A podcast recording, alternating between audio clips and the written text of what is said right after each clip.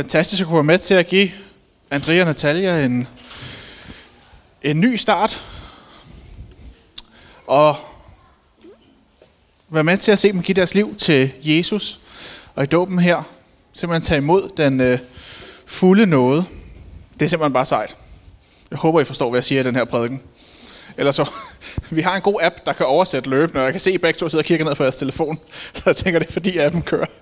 Det er så godt. Men jeg skal holde en lidt kortere prædiken i dag, fordi der er allerede sket utrolig meget. Hvor jeg vil prøve at give lidt perspektiv på, hvad er det egentlig dåben er, og hvorfor er det, vi døber. Men den virkelige prædiken i dag, det er jo simpelthen at høre jeres vidnesbyrd. Og høre dem fortælle om, hvad er det, der har gjort, at de i dag vælger at sige ja til at følge Jesus og til at modtage dåben her. Det synes jeg simpelthen er fantastisk.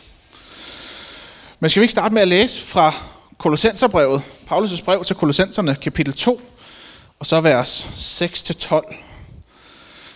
Og der står sådan her.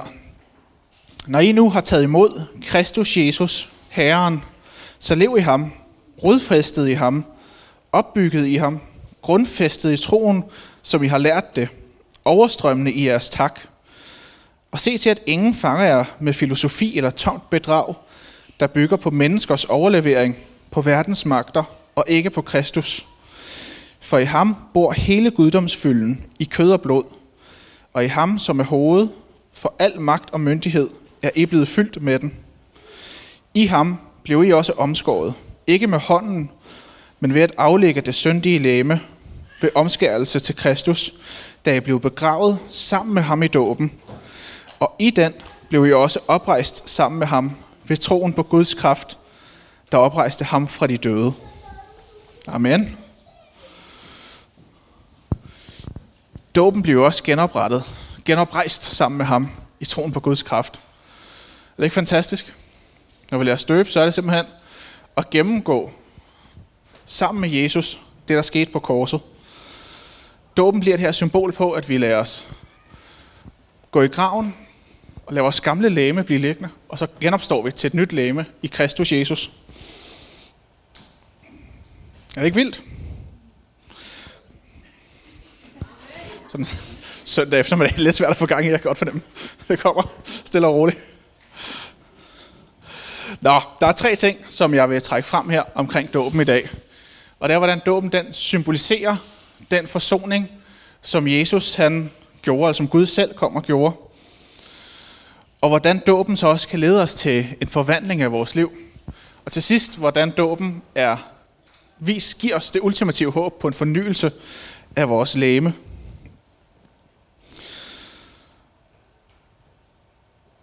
For det, dåben er nemlig den sådan nok mest betydningsfulde del af vores kristne rejse. Det er der, hvor vi sammen med Jesus modtager den fulde forsoning.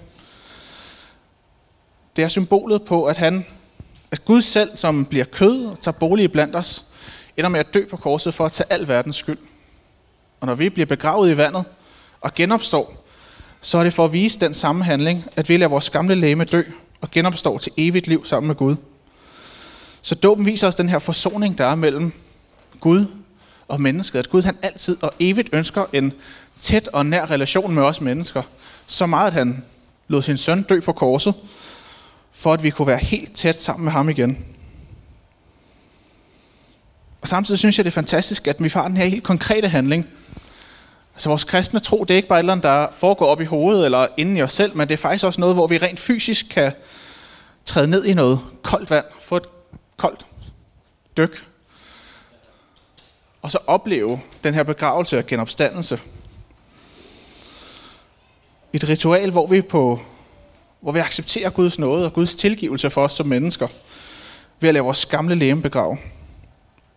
Og Paulus skriver på et andet tidspunkt, i Romerbrevet kapitel 6, der skriver han, at den, der er død, er jo frigjort fra synden, og vi døde med Kristus, så skal vi også leve med ham. Og det er netop det, som dåben her det bliver et symbol på, at vores læme bliver renset. Vi er ikke længere tynget af den her verdens synd. Vi er ikke længere tynget af, at det er en brudt verden, vi lever i. Men der er tilgivelse for os, og vi lader vores læme blive renset, sådan så Gud fuldt ud kan tage bolig i blandt os.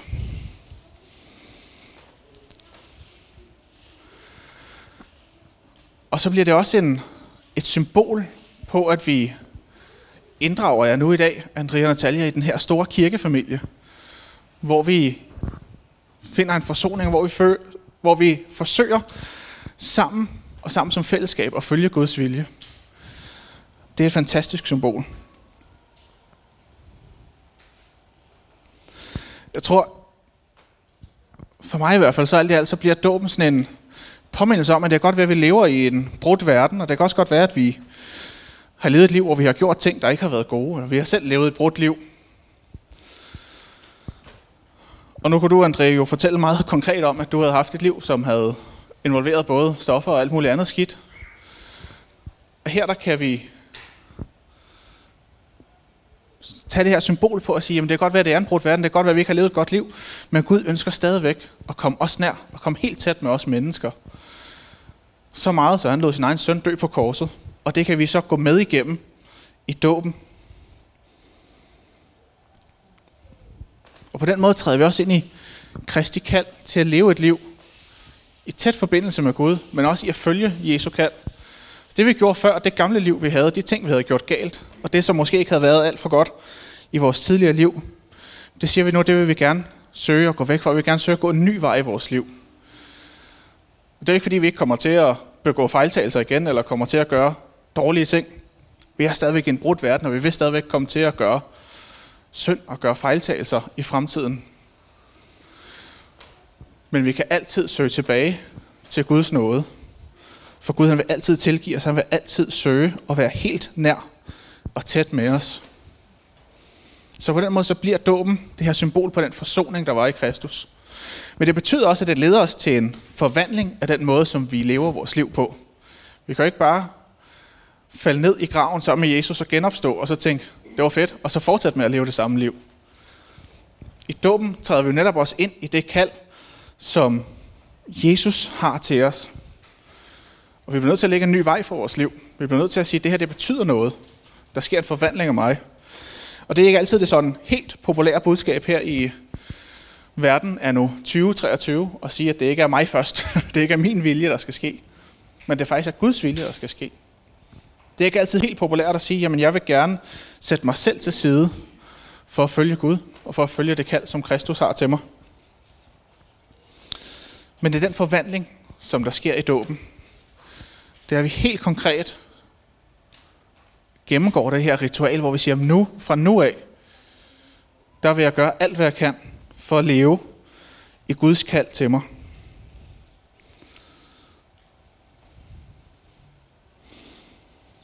Og det skulle meget gerne give os en ny retning her i livet. Det skulle meget gerne give os en ny retning og sige, at nu lader jeg Kristus lægge vejen og dagen for mig. Og hvis ikke vi starter med at søge Gud i det, jamen, hvad kan vi så opnå her i livet? så det giver os en forvandling af vores sjæl, af vores mål. Og samtidig så er det at acceptere Kristus som vores frelser, i, i, uh, i en ældre dåbsritual, jeg tror ikke, vi bruger det længere, men en ældre dåbsritual, der sagde man, at Jesus, han gav os et nyt, en ny identitet i dåben. Og det er også det, vi lader det symbolisere. Og sige, at nu er jeg ikke længere min egen skabning, nu er det ikke længere mig, der er ved roret, men jeg lader Jesus komme ind og vejlede mig. Giv mig et nyt læme, og bliver den nye skabning i Kristus. Så dåben her, den fører os til en forvandling af vores sind og vores hjerne, og vi, vores hjerte, også vores hjerne, og vi, øh, vi lader den her forvandling, i den her forvandling, så erkender vi, at vi er afhængige af Gud, og vi er nødt til at vende os mod ham. Det er ikke længere mig selv først i livet, men det er Gud først. Det er det startskud, vi tager, når vi bliver døbt, det er at sige, nu vil jeg sætte Gud først i mit liv, og søge at tjene ham over alt andet.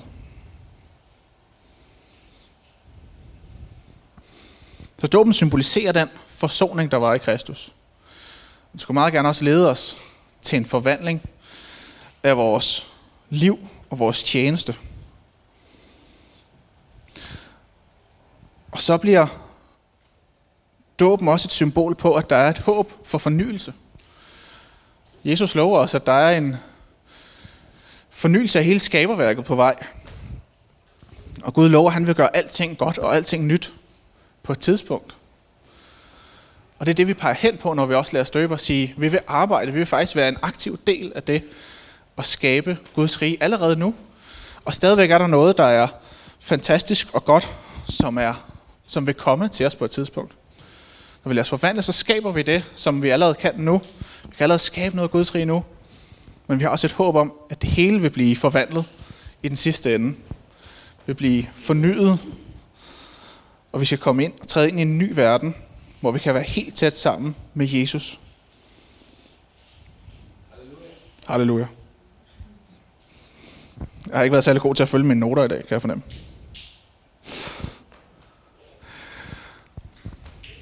Kan alle sammen selv huske, at I blev døbt på et tidspunkt? Så. Hvordan? Det er 80 år siden. Det er 80 år siden. godt gået. Amen. Åh, oh, ja. Godt gået, her. Men prøv at tænke på, hvad det har hvad det betød for jer den dag, og hvad det har betydet for jer siden.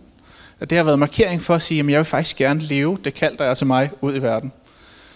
Og det er det, André og Natalia også gør i dag, det er, jeg siger, jamen fra nu af, der har været en lang proces, de har været på vej ind i det her længe. De har også lige måtte flygte fra et land først. De fortalte os, da vi mødtes med dem for nogle tid siden, at de var på vej til at blive døbt i Ukraine. Så var der nogen, der satte en stopper for de planer. Og så har de fundet et nyt kirkefællesskab her i Danmark. Og det er ikke fantastisk, at de kan rejse hvor mange hundrede kilometer på tværs af Europa, og så finde tilbage i en ny kirkefamilie, og så blive døbt her sammen med os. Og der er et kald til dem i det, der er et kald til dem her i Danmark. Det, jeg tror ikke på tilfældigheder. Jeg tror ikke på, at det bare er tilfældigt, I endt heroppe, Andrea og Natalia. Jeg tror på, at Gud også har planer for jer her i Danmark, hvor I er nu. Og det er fantastisk, at vi har kunne være med til at døbe jer.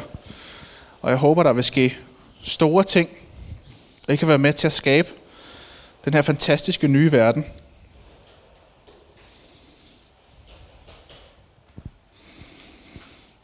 Så det er det, vi har gået igennem i dag. Vi har symbolsk lavet os dø sammen med Jesus og genopstå til et nyt liv. Modtaget forsoningen fuldt ud. Samtidig har I sagt ja til at leve et nyt liv, til at følge Guds kald, før end jeres eget og lad det lede jer til en forvandling. Og så viser det os også, at der er et håb for den totale fornyelse på et tidspunkt. I Kolossenserbrevet, hvor jeg startede med at læse op fra,